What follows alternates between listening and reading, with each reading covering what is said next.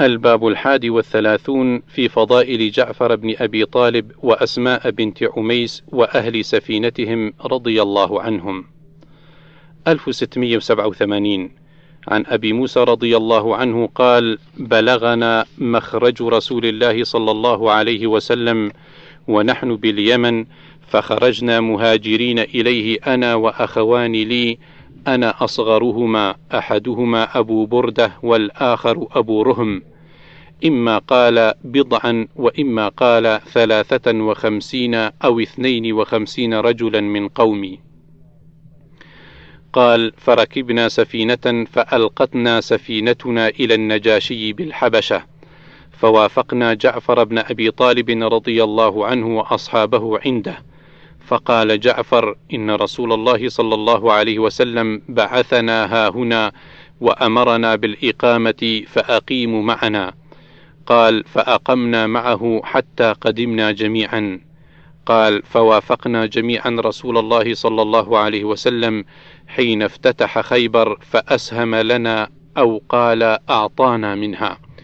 وما قسم لأحد غاب عن فتح خيبر منها شيئا إلا لمن شهد معه إلا لأصحاب سفينتنا مع جعفر وأصحابه قسم لهم معهم. قال فكان ناس من الناس يقولون لنا يعني لأهل السفينة نحن سبقناكم بالهجرة قال فدخلت أسماء بنت عميس وهي ممن قدم معنا على حفصة زوج النبي صلى الله عليه وسلم زائرة وقد كانت هاجرت إلى النجاشي في من هاجر إليه فدخل عمر رضي الله عنه على حفصة وأسماء عندها فقال عمر حين رأى أسماء من هذه؟ قالت أسماء بنت عميس قال عمر رضي الله عنه الحبشية هذه البحرية هذه فقالت أسماء نعم. فقال عمر سبقناكم بالهجرة فنحن أحق برسول الله صلى الله عليه وسلم منكم. فغضبت وقالت كلمة كذبت يا عمر كلا والله كنتم مع رسول الله صلى الله عليه وسلم يطعم جائعكم ويعظ جاهلكم وكنا في دار أو في أرض البعداء والبغضاء في الحبشة. وذلك في الله وفي رسوله صلى الله عليه وسلم. ويم الله لا أطعم طعاما ولا أشرب شرابا حتى أذكر ما قلت لرسول الله صلى الله عليه وسلم. ونحن كنا نؤذى ونخاف وسأذكر ذلك لرسول الله صلى الله عليه وسلم وأسأله ووالله لا أكذب ولا أزيغ ولا أزيد على ذلك. قال فلما جاء النبي صلى الله عليه وسلم قالت يا نبي الله إن عمر قال كذا وكذا. فقال رسول الله صلى الله عليه وسلم ليس بأحق بي منكم وله ولأصحابه هجرة واحدة ولكم أنتم أهل السفينة هجرتان. قالت فلقد رأيت أبا موسى وأصحاب السفينة يأتونني أرسالا يسألونني عن هذا الحديث. ما من الدنيا شيء هم به أفرح ولا أعظم في أنفسهم مما قال لهم رسول الله صلى الله عليه وسلم. قال أبو بردة فقالت أسماء فلقد رأيت أبا موسى وإنه ليستعيد هذا الحديث مني. أخرجه البخاري 4230 الباب الثاني والثلاثون في فضائل عبد الله بن جعفر بن أبي طالب رضي الله عنهما. 1688 عن عبد الله بن جعفر رضي الله عنهما قال كان النبي صلى الله عليه وسلم إذا قدم من سفر تلقي بنا. قال فتلقي بي وبالحسن أو بالحسين رضي الله عنهما. قال فحمل أحدنا بين يديه والآخر خلفه حتى دخلنا المدينة. 1688 مكرر. عن عبد الله بن جعفر قال أردفني رسول الله صلى الله عليه وسلم ذات يوم خلفه فأسر إلي حديثا لا أحدث به أحدا من الناس. الباب الثالث والثلاثون في فضائل عبد الله بن عباس رضي الله عنهما. 1689 عن ابن عباس رضي الله عنهما أن النبي صلى الله عليه وسلم أتى الخلاء فوضعت له وضوءا فلما خرج قال من وضع هذا؟ في رواية زهير قالوا وفي رواية أبي بكر قلت. ابن عباس. قال اللهم فقهه في الدين. أخرجه البخاري 143 الباب الرابع والثلاثون في فضائل عبد الله بن عمر رضي الله عنهما. 1690 عن عبد الله بن عمر رضي الله عنهما قال كان الرجل في حياة رسول الله صلى الله عليه وسلم إذا رأى رؤيا قصها على رسول الله صلى الله عليه وسلم فتمنيت أن أرى رؤيا أقصها على النبي صلى الله عليه وسلم. قال وكنت غلاما شابا عزبا وكنت أنام في المسجد على عهد رسول الله صلى الله عليه وسلم. فرأيت في النوم كأن ملكين أخذاني فذهبا بي إلى النار. فإذا هي مطوية كطي البئر وإذا لها قرنان كقرني البئر وإذا فيها ناس قد عرفتهم فجعلت أقول أعوذ بالله من النار أعوذ بالله من النار أعوذ بالله من النار. قال فلقيهما ملك فقال لي لم ترع. فقصصتها على حفصة فقصتها حفصة على رسول الله صلى الله عليه وسلم فقال النبي صلى الله عليه وسلم نعم الرجل عبد الله لو كان يصلي من الليل. قال سالم فكان عبد الله بعد ذلك لا ينام من الليل إلا قليلا. أخرجه البخاري 1121 الباب الخامس والثلاثون في فضل عبد الله بن الزبير رضي الله عنهما. 1691 عن عبد الله بن أبي مليكة قال قال عبد الله بن جعفر لابن الزبير أتذكر إذ تلقينا رسول الله صلى الله عليه وسلم أنا وأنت وابن عباس. قال نعم فحملنا وتركك.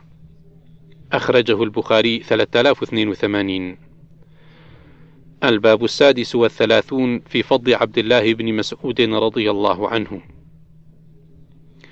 1692 عن عبد الله بن مسعود رضي الله عنه قال لما نزلت هذه الآية ليس على الذين آمنوا وعملوا الصالحات جناح فيما طعموا إذا ما اتقوا وآمنوا. إلى آخر الآية. قال لي رسول الله صلى الله عليه وسلم قيل لي أنت منهم. 1693 عن أبي موسى رضي الله عنه قال قدمت أنا وأخي من اليمن وكنا جئنا وما نرى ابن مسعود وأمه إلا من أهل بيت رسول الله صلى الله عليه وسلم من كثرة دخولهم ولزومهم له. أخرجه البخاري 3763 1694 عن أبي الأحوص قال: كنا في دار أبي موسى مع نفر من أصحاب عبد الله وهم ينظر وهم ينظرون في مصحف فقام عبد الله فقال أبو مسعود ما أعلم رسول الله صلى الله عليه وسلم؟ ترك بعده أعلم بما أنزل الله عز وجل من هذا القائم. فقال أبو موسى أما لئن قلت ذاك لقد كان يشهد إذا غبنا ويؤذن له إذا حجبنا. أخرجه البخاري 3763 1695 عن عبد الله بن مسعود رضي الله عنه أنه قال ومن يغل يأت بما غل يوم القيامة. سورة آل عمران الآية 161 ثم قال على قراءة من تأمرونني أن أقرأ. فلقد قرأت على رسول الله صلى الله عليه وسلم بضعا وسبعين سورة. ولقد علم أصحاب رسول الله صلى الله عليه وسلم أني أعلمهم بكتاب الله عز وجل. ولو أعلم أن أحدا أعلم مني لرحلت إليه. قال شقيق فجلست في حلق أصحاب محمد صلى الله عليه وسلم فما سمعت أحدا يرد ذلك عليه ولا يئيبه أخرجه البخاري خمسة آلاف. ألف ستمية وستة وتسعين. عن مسروق قال كنا عند عبد الله بن عمرو رضي الله عنهما فذكرنا حديثا عن ابن مسعود فقال إن ذلك الرجل لا أزال أحبه بعد شيء سمعته من رسول الله صلى الله عليه وسلم يقوله. سمعته يقول اقرأوا القرآن من أربعة نفر من ابن أم عبد فبدأ به ومن أبي بن كعب ومن سالم مولى أبي حذيفة ومن معاذ بن جبل. أخرجه البخاري 3758 الباب السابع والثلاثون في فضل عبد الله بن عمرو بن حرام رضي الله عنه. 1697 عن جابر بن عبد الله رضي الله عنهما قال أصيب أبي يوم أحد فجعلت أكشف الثوب عن وجهه وأبكي وجعلوا ينهونني ورسول الله صلى الله عليه وسلم لا ينهاني. قال وجعلت فاطمة بنت عمرو تبكيه. فقال رسول الله صلى الله عليه وسلم تبكيه أو لا تبكيه فما زالت الملائكة تظله بأجنحتها حتى رفعتموه. أخرجه البخاري 1293 الجزء السابع. تابع لكتاب فضائل أصحاب النبي صلى الله عليه وسلم. الباب الثامن والثلاثون في فضل عبد الله بن سلام رضي الله عنه 1698 عن عامر بن سعد قال سمعت أبي يقول ما سمعت رسول الله صلى الله عليه وسلم يقول لحي يمشي إنه في الجنة إلا لعبد الله بن سلام. أخرجه البخاري 3812 1699 عن خرشة بن الحر قال كنت جالسا في حلقة في مسجد المدينة. قال وفيها شيخ حسن الهيئة وهو عبد الله بن سلام. قال فجعل يحدثهم حديثا حسنا. قال فلما قام قال القوم من سره أن ينظر إلى رجل من أهل الجنة فلينظر إلى هذا. قال فقلت والله لأتبعنه فلأعلمن مكان بيته. قال فتبعته فانطلق حتى كاد أن يخرج من المدينة ثم دخل منزله. قال فاستأذنت عليه فأذن لي فقال ما حاجتك يا ابن أخي؟ قال فقلت له سمعت القوم يقولون لك لما قمت من سره أن ينظر إلى رجل من أهل الجنة فلينظر إلى هذا فأعجبني أن أكون معك. قال الله أعلم بأهل الجنة وسأحدثك مما قالوا ذاك. إنني بينما أنا نائم إذ أتاني رجل فقال لي قم فأخذ بيدي فانطلقت معه قال فإذا أنا بجواد عن شمالي. قال فأخذت لآخذ فيها فقال لي لا تأخذ فيها فإنها طرق أصحاب الشمال. قال وإذا جواد منهج على يميني فقال لي خذها هنا. قال فأتى بي جبلا فقال لي اصعد. قال فجعلت إذا أردت أن أصعد خررت على أستي. قال حتى فعلت ذلك مرارا. قال ثم انطلق بي حتى أتى بي عمودا رأسه في السماء وأسفله في الأرض في أعلاه حلقة فقال لي اصعد فوق هذا. قال قلت كيف أصعد هذا ورأسه في السماء؟ قال فأخذ بيدي فزجل بي فقال فإذا أنا متعلق بالحلقة. قال ثم ضرب العمود فخر. قال وبقيت متعلقا بالحلقة حتى أصبحت. قال فأتيت النبي صلى الله عليه وسلم فقصصتها عليه فقال أما الطرق التي رأيت عن يسارك فهي طرق أصحاب الشمال. قال وأما الطرق التي, لا التي رأيت عن يمينك فهي طرق أصحاب اليمين. وأما الجبل فهو منزل الشهداء ولن تناله. وأما العمود فعمود الإسلام. وأما العروة فهي عروة الإسلام. ولن تزال متمسكا بها حتى تموت. أخرجه البخاري 3813 الباب التاسع والثلاثون في فضل سعد بن معاذ رضي الله عنه. 1700 عن جابر بن عبد الله رضي الله عنهما قال قال رسول الله صلى الله عليه وسلم وجنازة سعد بن معاذ بين أيديهم اهتز لها عرش الرحمن. أخرجه البخاري 3803 1701 عن البراء رضي الله عنه قال أهديت لرسول الله صلى الله عليه وسلم حلة حرير فجعل أصحابه يمسونها ويعجبون من لينها. فقال أتعجبون من لين هذه؟ لمناديل سعد بن معاذ في الجنة خير منها وألين. أخرجه البخاري 3802 الباب الأربعون في فضائل أبي طلحة الأنصاري وامرأته أم سليم رضي الله عنهما. 1702 عن أنس رضي الله عنه قال مات ابن لأبي طلحة من أم سليم فقالت لأهلها لا تحدث أبا طلحة بابنه حتى أكون أنا أحدثه. قال فجاء فقربت إليه عشاء فأكل وشرب. قال ثم تصنعت له أحسن ما كان تصنع قبل ذلك فوقع بها فلما رأت أنه قد شبع وأصاب منها قالت يا أبا طلحة أرأيت لو أن قوما أعاروا عاريتهم أهل بيت فطلبوا عاريتهم ألهم أن يمنعوهم قال لا.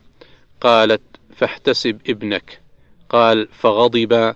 فقال تركتني حتى تلطخت. ثم أخبرتني ثم أخبرتني بابني.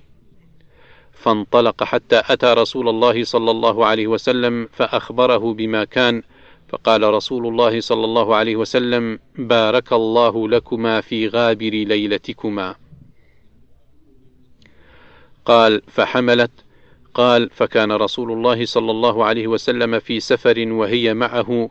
وكان رسول الله صلى الله عليه وسلم إذا أتى المدينة من سفر لا يطرقها طروقا فدنوا من المدينة فضربها المخاض فاحتبس عليها أبو طلحة وانطلق رسول الله صلى الله عليه وسلم. قال يقول أبو طلحة إنك لتعلم يا رب أنه يعجبني أن أخرج مع رسولك إذا خرج وأدخل معه إذا دخل وقد احتسب وقد احتبست بما ترى. قال تقول أم سليم يا أبا طلحة ما أجد الذي كنت أجد انطلق. فانطلقنا. قال وضربها المخاض حين قدم فولدت غلاما فقالت لي أمي يا أنس لا يرضعه أحد حتى تغدو به على رسول الله صلى الله عليه وسلم. فلما أصبح احتملته فانطلقت به إلى رسول الله صلى الله عليه وسلم. قال فصادفته ومعه ميسم فلما رآني قال لعل أم سليم ولدت. قلت نعم. قال فوضع الميسم. قال وجئت به فوضعته في حجره. ودعا رسول الله صلى الله عليه وسلم بعجوة من عجوة المدينة فلاكها في فيه حتى ذابت. ثم قذفها في في الصبي فجعل الصبي يتلمضها. قال فقال رسول الله صلى الله عليه وسلم انظروا إلى حب الأنصار التمر. قال فمسح وجهه وسماه عبد الله. أخرجه البخاري 5824 الباب الحادي والأربعون في فضل أبي بن كعب رضي الله عنه. 1703 عن أنس رضي الله عنه قال جمع القرآن على عهد رسول الله صلى الله عليه وسلم أربعة كلهم من الأنصار معاذ بن جبل وأبي بن كعب وزيد بن ثابت وأبو زيد. قال قتادة فقلت لأنس من أبو زيد؟ قال أحد عمومتي. أخرجه البخاري 3810 الباب الثاني والأربعون في فضل أبي ذر الغفاري رضي الله عنه.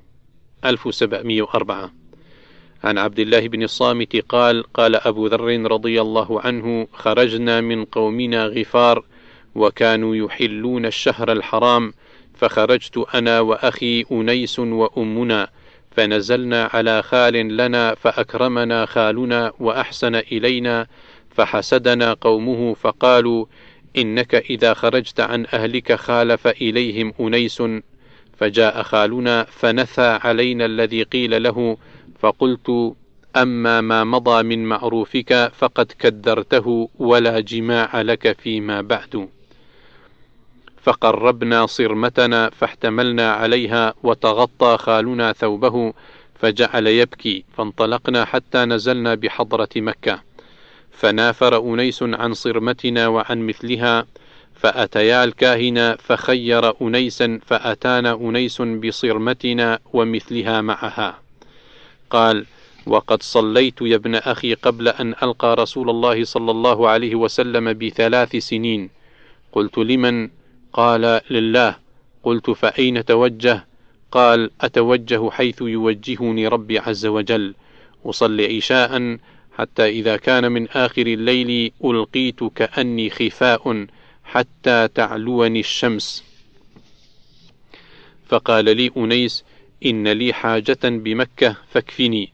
فانطلق أنيس حتى أتى مكة فراث علي ثم جاء فقلت ما صنعت؟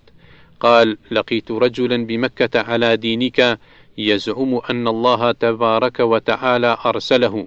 قلت فما يقول الناس؟ قال يقولون شاعر كاهن ساحر وكان أنيس أحد الشعراء.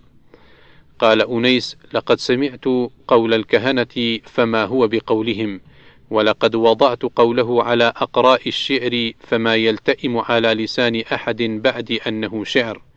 والله إنه لصادق وإنهم لكاذبون. قال قلت فاكفني حتى أذهب فأنظر. قال فأتيت مكة فتضعفت رجلا منهم فقلت أين هذا الذي تدعونه الصابئ؟ فأشار إلي فقال الصابئ. فمال علي أهل الوادي بكل مدرة وعظم حتى خررت مغشيا علي. قال فارتفعت حين ارتفعت كأني نصب أحمر. قال فأتيت زمزم فغسلت عني الدماء وشربت من مائها. ولقد لبثت يا ابن أخي ثلاثين بين ليلة ويوم ما كان لي طعام إلا ماء زمزم. فسمنت حتى تكسرت عكن حتى تكسرت عكن بطني وما وجدت على كبدي سخفة جوع. قال فبين أهل مكة في ليلة قمراء إضحيان إذ ضرب على أسمختهم فما يطوف بالبيت أحد وامرأتان منهم تدعوان إسافا ونائلة. قال فأتتا علي في طوافهما فقلت أنكحا أحدهما الأخرى. قال فما تناهتا على قولهما. قال فأتتا علي فقلت هن مثل الخشبة غير أني لا أكني. فانطلقتا تولولان وتقولان لو كان هاهنا أحد من أنفارنا. قال فاستقبلهما رسول الله صلى الله عليه وسلم وأبو بكر وهما هابطان. قال ما لكما؟ قالتا الصابئ بين الكعبة وأستارها. قال ما قال لكما؟ قالتا إنه قال لنا كلمة تملأ الفم. وجاء رسول الله صلى الله عليه وسلم حتى استلم الحجر وطاف بالبيت هو وصاحبه ثم صلى فلما قضى صلاته قال أبو ذر فكنت أنا أول من حياه بتحية الإسلام. قال فقلت السلام عليك يا رسول الله. فقال وعليك ورحمة الله. ثم قال من أنت؟ قال قلت من غفار. قال فأهوى بيده فوضع أصابعه على جبهته فقلت في نفسي كره أن انتميت إلى غفار. فذهبت آخذ بيده فقدعني صاحبه وكان أعلم به مني. ثم رفع رأسه فقال متى كنت ها هنا؟ قال قلت قد كنت ها هنا منذ ثلاثين بين ليلة ويوم. قال فمن كان يطعمك؟ قال قلت ما كان لي طعام إلا ماء زمزم فسمنت حتى تكسرت عكن بطني وما أجد على كبدي سخفة جوع. قال إنها مباركة إنها طعام طعم. فقال أبو بكر رضي الله عنه يا رسول الله إئذن لي في طعامه الليلة. فانطلق رسول الله صلى الله عليه وسلم وأبو بكر وانطلقت معهما ففتح أبو بكر رضي الله عنه بابا فجعل يقبض لنا من زبيب الطائف وكان ذلك أول طعام أكلته بها. ثم غبرت ما غبرت ثم أتيت رسول الله صلى الله عليه وسلم فقال إنه قد وجهت لي أرض ذات نخل لا أراها إلا يثرب. فهل أنت مبلغ عني قومك؟ عسى الله أن ينفعهم بك ويأجرك فيهم. فأتيت أنيسا فقال ما صنعت؟ قلت صنعت أني قد أسلمت وصدقت. قال ما بي رغبة عن دينك فإني قد أسلمت وصدقت. فأتينا أمنا فقالت ما بي رغبة عن دينكما فإني قد أسلمت وصدقت. فاحتملنا حتى أتينا قومنا غفارا فأسلم نصفهم وكان يؤمهم أيماء بن رحضة الغفاري وكان سيدهم وقال نصفهم إذا قدم رسول الله صلى الله عليه وسلم المدينة أسلمنا. فقدم رسول الله صلى الله عليه وسلم المدينة فأسلم نصفهم الباقي وجاءت أسلم فقالوا يا رسول الله إخوتنا نسلم على الذي اسلموا عليه فأسلموا. فقال رسول الله صلى الله عليه وسلم غفار غفر الله لها وأسلموا سالمها الله. 1705 عن ابن عباس رضي الله عنهما قال لما بلغ أبا ذر مبعث النبي صلى الله عليه وسلم بمكة قال لأخيه أنيس اركب وسر إلى هذا الوادي فاعلم لي علم هذا الرجل الذي يزعم أنه نبي يأتيه الخبر من السماء فاسمع من قوله ثم ائتني فانطلق الآخر حتى قدم مكة وسمع من قوله ثم رجع إلى أبي ذر فقال رأيته يأمر بمكارم الأخلاق ويقول كلاما ما هو بالشعر فقال ما شفيتني فيما أردت فتزود وحمل شنة له فيها ماء وسار حتى قدم مكة فأتى المسجد فالتمس النبي صلى الله عليه وسلم ولا يعرفه وكره أن يسأل عنه حتى أدركه يعني الليل فاضطجع فرآه علي رضي الله عنه فعرف أنه غريب. فلما رآه تبعه فلم يسأل واحد منهما صاحبه عن شيء حتى أصبح. ثم احتمل قربته وزاده إلى المسجد فظل ذلك اليوم فيه ولا يرى النبي صلى الله عليه وسلم حتى أمسى فعاد إلى مضجعه فمر به علي رضي الله عنه فقال: ما آن للرجل أن يعلم منزله؟ فأقامه فذهب به معه ولا يسأل واحد منهما صاحبه عن شيء حتى إذا كان يوم الثالث فعل مثل ذلك فأقامه علي رضي الله عنه معه ثم قال له ألا تحدثني ما الذي أقدمك هذا البلد؟ قال إن أعطيتني عهدا وميثاقا لترشدني فعلت. ففعل فأخبره فقال: فإنه حق وهو رسول الله صلى الله عليه وسلم، فإذا أصبحت فاتبعني فإني إن رأيت شيئا أخاف عليك قمت كأني أريق الماء فإن مضيت فاتبعني حتى تدخل مدخلي. ففعل فانطلق يقفوه حتى دخل على النبي صلى الله عليه وسلم ودخل معه فسمع من قوله صلى الله عليه وسلم وأسلم مكانه. فقال له النبي صلى الله عليه وسلم ارجع إلى قومك فأخبرهم حتى يأتيك أمري. فقال والذي نفسي بيده لأصرخن بها بين ظهرانيهم. فخرج حتى أتى المسجد فنادى بأعلى صوته أشهد أن لا إله إلا الله وأشهد أن محمدا رسول الله. وثار القوم إليه فضربوه حتى أضجعوه على الأرض. فأتى العباس بن عبد المطلب رضي الله عنه فأكب عليه فقال ويلكم ألستم تعلمون أنه من غفار وأن طريق تجاركم إلى الشام عليهم فأنقذه منهم. ثم عاد من الغد بمثلها وثاروا عليه فضربوه فأكب عليه العباس فأنقذه. أخرجه البخاري 3522 الباب الثالث والأربعون في فضل أبي موسى الأشعري رضي الله عنه. 1706 عن أبي موسى الأشعري رضي الله عنه قال كنت عند النبي صلى الله عليه وسلم وهو نازل بالجعرانة بين مكة والمدينة ومعه بلال فأتى رسول الله صلى الله عليه وسلم رجل أعرابي فقال ألا تنجز لي يا محمد ما وعدتني؟ فقال له رسول الله صلى الله عليه وسلم أبشر. فقال له الأعرابي أكثرت علي من أبشر فأقبل رسول الله صلى الله عليه وسلم على أبي موسى وبلال كهيئة الغضبان فقال: إن هذا قد رد البشرى فاقبلا أنتما، فقالا قبلنا يا رسول الله.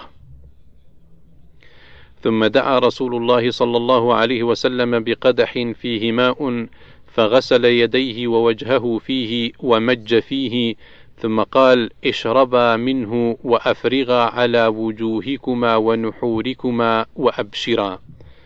فأخذا القدح ففعلا ما أمرهما به رسول الله صلى الله عليه وسلم فنادتهما أم سلمة من وراء الستر أفضلا لأمكما مما في إنائكما. فأفضلا لها منه طائفة. أخرجه البخاري 4328 الباب الرابع والأربعون في فضل أبي موسى وأبي عامر الأشعري رضي الله عنهما. 1707 عن أبي بردة عن أبيه قال لما فرغ النبي صلى الله عليه وسلم من حنين بعث أبا عامر على جيش إلى أوطاس فلقي دريد بن الصمة فقتل دريد بن الصمة وهزم الله أصحابه. فقال أبو موسى وبعثني مع أبي عامر قال فرمي أبو عامر في ركبته. رماه رجل من بني جشم بسهم فأثبته في ركبته فانتهيت إليه فقلت يا عم من رماك؟ فأشار أبو عامر إلى أبي موسى فقال إن ذاك قاتلي تراه ذلك الذي رماني. قال أبو موسى فقصدت له فاعتمدته فلحقته فلما رآني ولى عني ذاهبا فاتبعته وجعلت أقول له ألا تستحي ألست عربيا؟ ألا تثبت؟ فكف فالتقيت أنا وهو فاختلفنا أنا وهو ضربتين فضربته بالسيف فقتلته. ثم رجعت إلى أبي عامر فقلت إن الله قد قتل صاحبك قال فانزع هذا السهم. فنزعته فنزى منه الماء. فقال يا ابن أخي انطلق إلى رسول الله صلى الله عليه وسلم فأقرئه منه من مني السلام وقل له يقول لك أبو عامر استغفر لي. قال واستعملني أبو عامر على الناس ومكث يسيرا ثم إنه مات. فلما رجعت إلى النبي صلى الله عليه وسلم دخلت عليه وهو في بيت على سرير مرمل وعليه فراش وقد أثر رمال السرير بظهر رسول الله صلى الله عليه وسلم وجنبه فأخبرته بخبرنا وخبر أبي عامر وقلت له قال قل له يستغفر لي. فدعا رسول الله صلى الله عليه وسلم بماء فتوضأ منه ثم رفع يديه ثم قال اللهم اغفر لعبيد أبي عامر. حتى رأيت بياض إبطيه ثم قال اللهم اجعله يوم القيامة فوق كثير من خلقك أو من الناس. فقلت ولي يا رسول الله فاستغفر. فقال النبي صلى الله عليه وسلم اللهم اغفر لعبد الله بن قيس ذنبه وأدخله يوم القيامة مدخلا كريما. قال أبو بردة إحداهما لأبي عامر والأخرى لأبي موسى. الباب الخامس والأربعون في فضل أبي هريرة الدوسي رضي الله عنه. 1708 عن أبي هريرة رضي الله عنه قال كنت أدعو أمي إلى الإسلام وهي مشركة فدعوتها يوما فأسمعتني في رسول الله صلى الله عليه وسلم ما أكره فأتيت رسول الله صلى الله عليه وسلم وأنا أبكي. قلت يا رسول الله إني كنت أدعو أمي إلى الإسلام فتأبى علي. فدعوتها اليوم فأسمعتني فيك ما أكره. فادعوا الله أن يهدي أم أبي هريرة. فقال رسول الله صلى الله عليه وسلم اللهم اهد أم أبي هريرة. فخرجت مستبشرا بدعوة نبي الله صلى الله عليه وسلم فلما جئت فصرت إلى الباب فإذا هو مجاف فسمعت أمي خشف قدمي فقالت مكانك يا أبا هريرة. وسمعت خضخضة الماء قال فاغتسلت ولبست درعها وعجلت عن خمارها ففتحت الباب ثم قالت يا أبا هريرة أشهد أن لا إله إلا الله وأشهد أن محمدا عبده ورسوله. قال فرجعت إلى رسول الله صلى الله عليه وسلم فأتيته وأنا أبكي من الفرح. قال قلت يا رسول الله أبشر قد استجاب الله دعوتك وهدى أم أبي هريرة فحمد الله وأثنى عليه وقال خيرا. قال قلت يا رسول الله ادعو الله أن يحببني أنا وأمي إلى عباده المؤمنين ويحببهم إلينا. قال فقال رسول الله صلى الله عليه وسلم اللهم حبب عبيدك هذا يعني أبا هريرة وأمه إلى عبادك المؤمنين وحبب إليهم المؤمنين. فما خلق مؤمن يسمع بي ولا يراني إلا أحبني. 1709 عن عروة عن عائشة رضي الله عنها قالت ألا يعجبك أبو هريرة؟ جاء فجلس إلى جانب حجرتي يحدث عن النبي صلى الله عليه وسلم يسمعني ذلك وكنت أسبح فقام قبل أن أقضي سبحتي ولو أدركته لرددت عليه. إن رسول الله صلى الله عليه وسلم لم يكن يسرد الحديث كسردكم. قال ابن شهاب وقال ابن المسيب إن أبا هريرة قال يقولون إن أبا هريرة قد أكثر والله الموعد.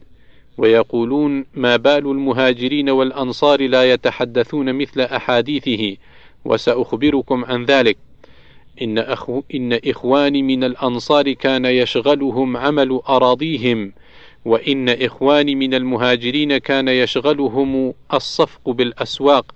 وكنت ألزم رسول الله صلى الله عليه وسلم على ملء بطني فأشهد إذا غابوا وأحفظ إذا نسوا.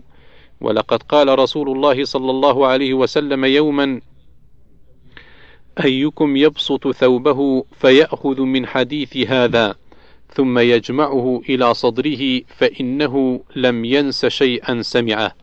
فبسطت بردة علي حتى فرغ من حديثه ثم جمعتها إلى صدري فما نسيت بعد ذلك اليوم شيئا حدثني به ولولا آيتان أنزلهما الله عز وجل في كتابه ما حدثت شيئا أبدا.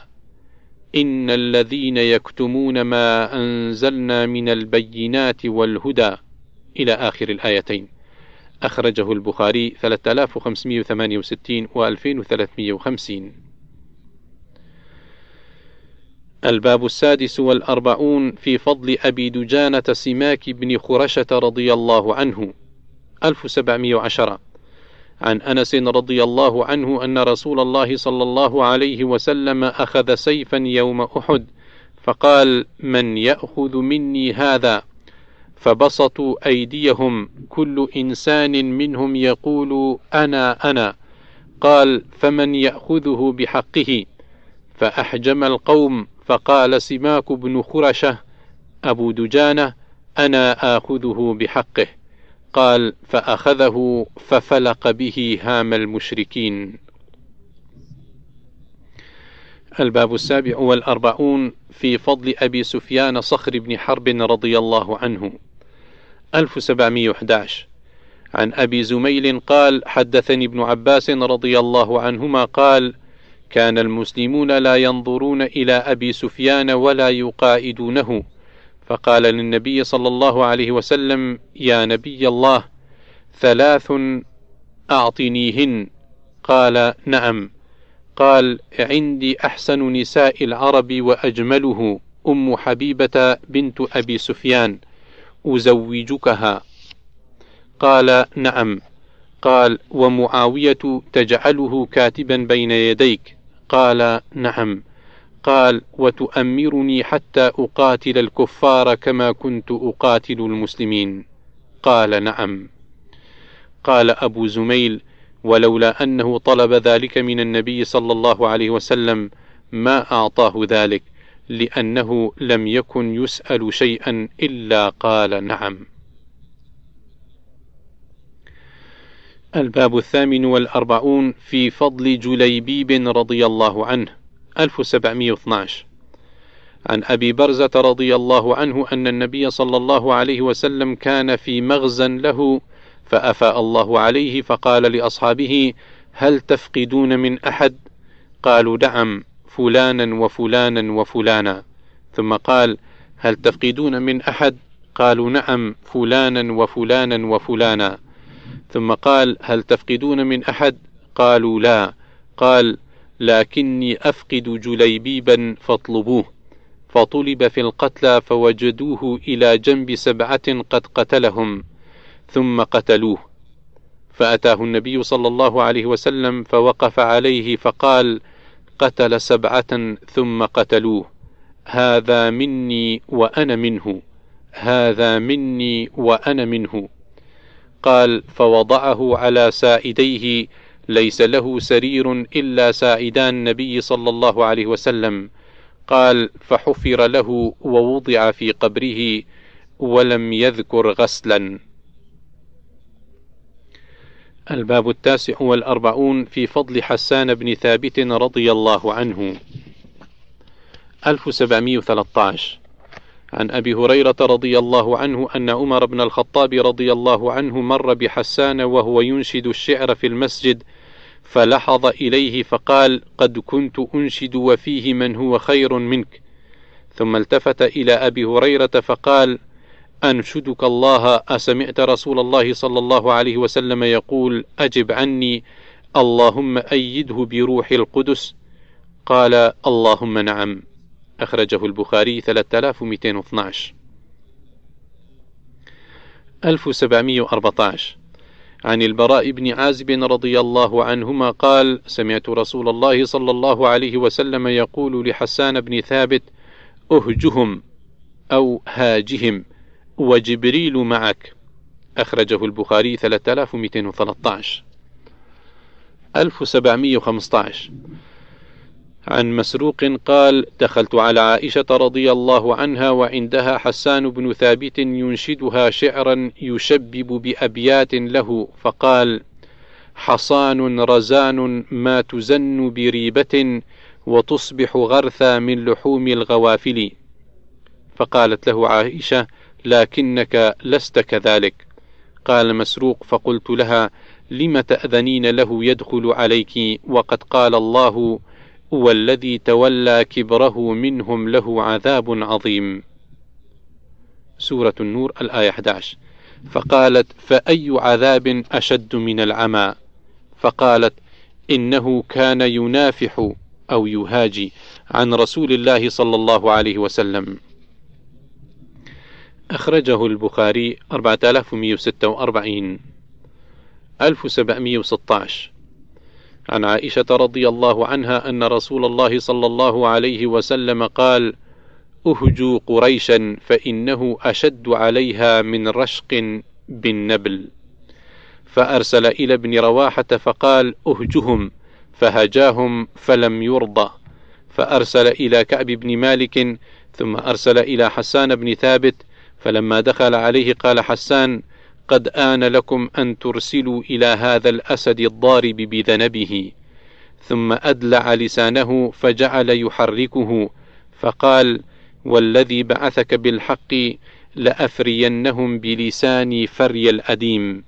فقال رسول الله صلى الله عليه وسلم لا تعجل فإن أبا بكر أعلم قريش بأنسابها وإن لي فيهم نسبا. حتى يلخص لك نسبي. فأتاه حسان ثم رجع فقال يا رسول الله قد لخص لي نسبك والذي بعثك بالحق لأسلنك منهم كما تسل الشعرة من العجين. قالت عائشة فسمعت رسول الله صلى الله عليه وسلم يقول لحسان إن روح القدس لا يزال يؤيدك ما نافحت عن الله ورسوله. وقالت سمعت رسول الله صلى الله عليه وسلم يقول هجاهم حسان فشفى واشتفى. قال حسان هجوت محمدا فأجبت عنه وعند الله في ذاك الجزاء. هجوت محمدا برا حنيفا رسول الله شيمته الوفاء فإن أبي ووالده وعرضي لعرض محمد منكم وقاء ثكلت بنيتي إن لم تر إن لم تروها. تثير النقع غايتها كداء. يبارين الأعنة مصعدات على أكتافها الأسل الظماء. تظل جيادنا متمطرات تلطمهن بالخمر النساء فإن أعرضتم عنا اعتمرنا وكان الفتح وانكشف الغطاء وإلا فاصبروا لضراب يوم يعز, يعز الله فيه من يشاء. وقال الله قد أرسلت عبدا يقول الحق ليس به خفاء. وقال الله قد يسرت جندا هم الأنصار عرضتها اللقاء لنا في كل يوم من معد سباب أو قتال أو هجاء فمن يهجو رسول الله منكم ويمدحه وينصره سواء وجبريل رسول الله فينا وروح القدس ليس له كفاء. الباب الخمسون في فضل جرير بن عبد الله البجلي رضي الله عنه. 1717 عن جرير رضي الله عنه قال ما حجبني رسول الله صلى الله عليه وسلم منذ أسلمت ولا رآني إلا تبسم في وجهي أخرجه البخاري 3035 1718 عن جرير رضي الله عنه قال قال لي رسول الله صلى الله عليه وسلم يا جرير ألا تريحني من ذي الخلصة؟ بيت لخثعم كان يدعى كعبة اليمانية. قال فنفرت إليه في خمسين ومائة فارس وكنت لا أثبت على الخيل. فذكرت ذلك لرسول الله صلى الله عليه وسلم فضرب يده في صدري فقال اللهم ثبته واجعله هاديا مهديا. قال فانطلق فحرقها بالنار ثم بعث جرير إلى رسول الله صلى الله عليه وسلم رجلا يبشره يكنى أبا أرطات منا. فأتى رسول الله صلى الله عليه وسلم فقال له ما جئتك حتى تركناها كأنها جمل أجرب. فبرك رسول الله صلى الله عليه وسلم على خيل أحمس ورجالها خمس مرات. أخرجه البخاري 3020 الباب الحادي والخمسون فضل أصحاب الشجرة رضي الله عنهم. 1719 عن أم مبشر رضي الله عنهما أنها سمعت النبي صلى الله عليه وسلم يقول عند حفصة: لا يدخل النار إن شاء الله تعالى من أصحاب الشجرة أحد. الذين بايعوا تحتها. قالت: بلى يا رسول الله، فانتهرها، فقالت حفصة: وإن منكم إلا واردها.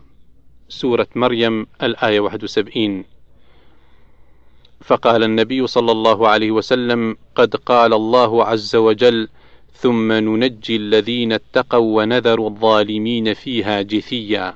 سورة مريم الآية 72 الباب الثاني والخمسون فضل من شهد بدرا.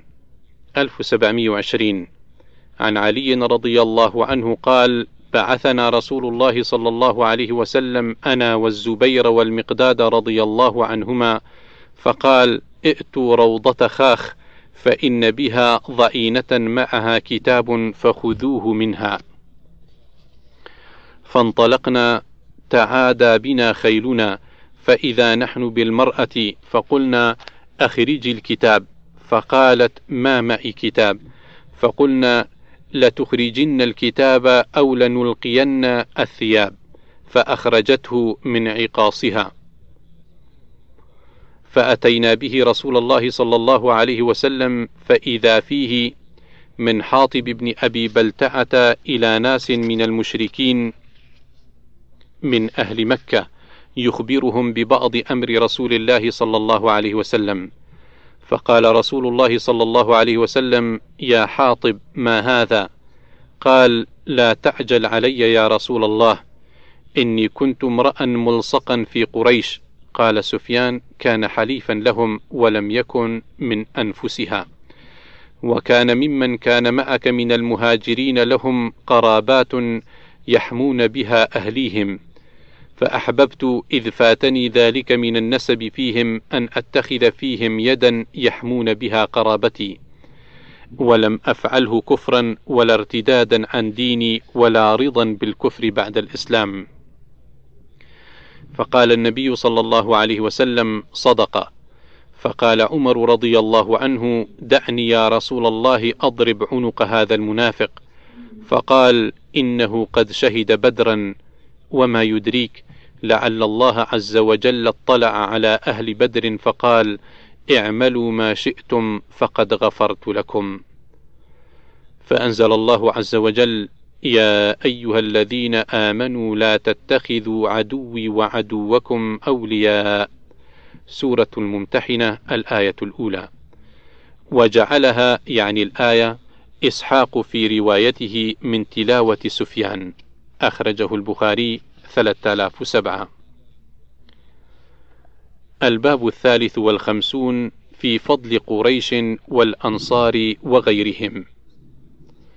1721 عن أبي هريرة رضي الله عنه قال قال رسول الله صلى الله عليه وسلم قريش والأنصار ومزينة وجهينة وأسلم وغفار وأشجع موالي ليس لهم مولا دون الله ورسوله.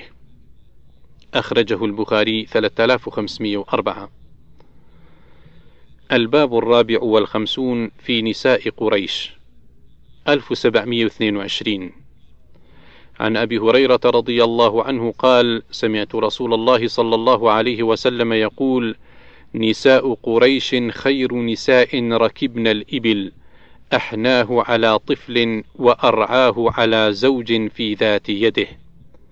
قال: يقول أبو هريرة على إثر ذلك: ولم تركب مريم بنت عمران بعيرا قط. أخرجه البخاري 3434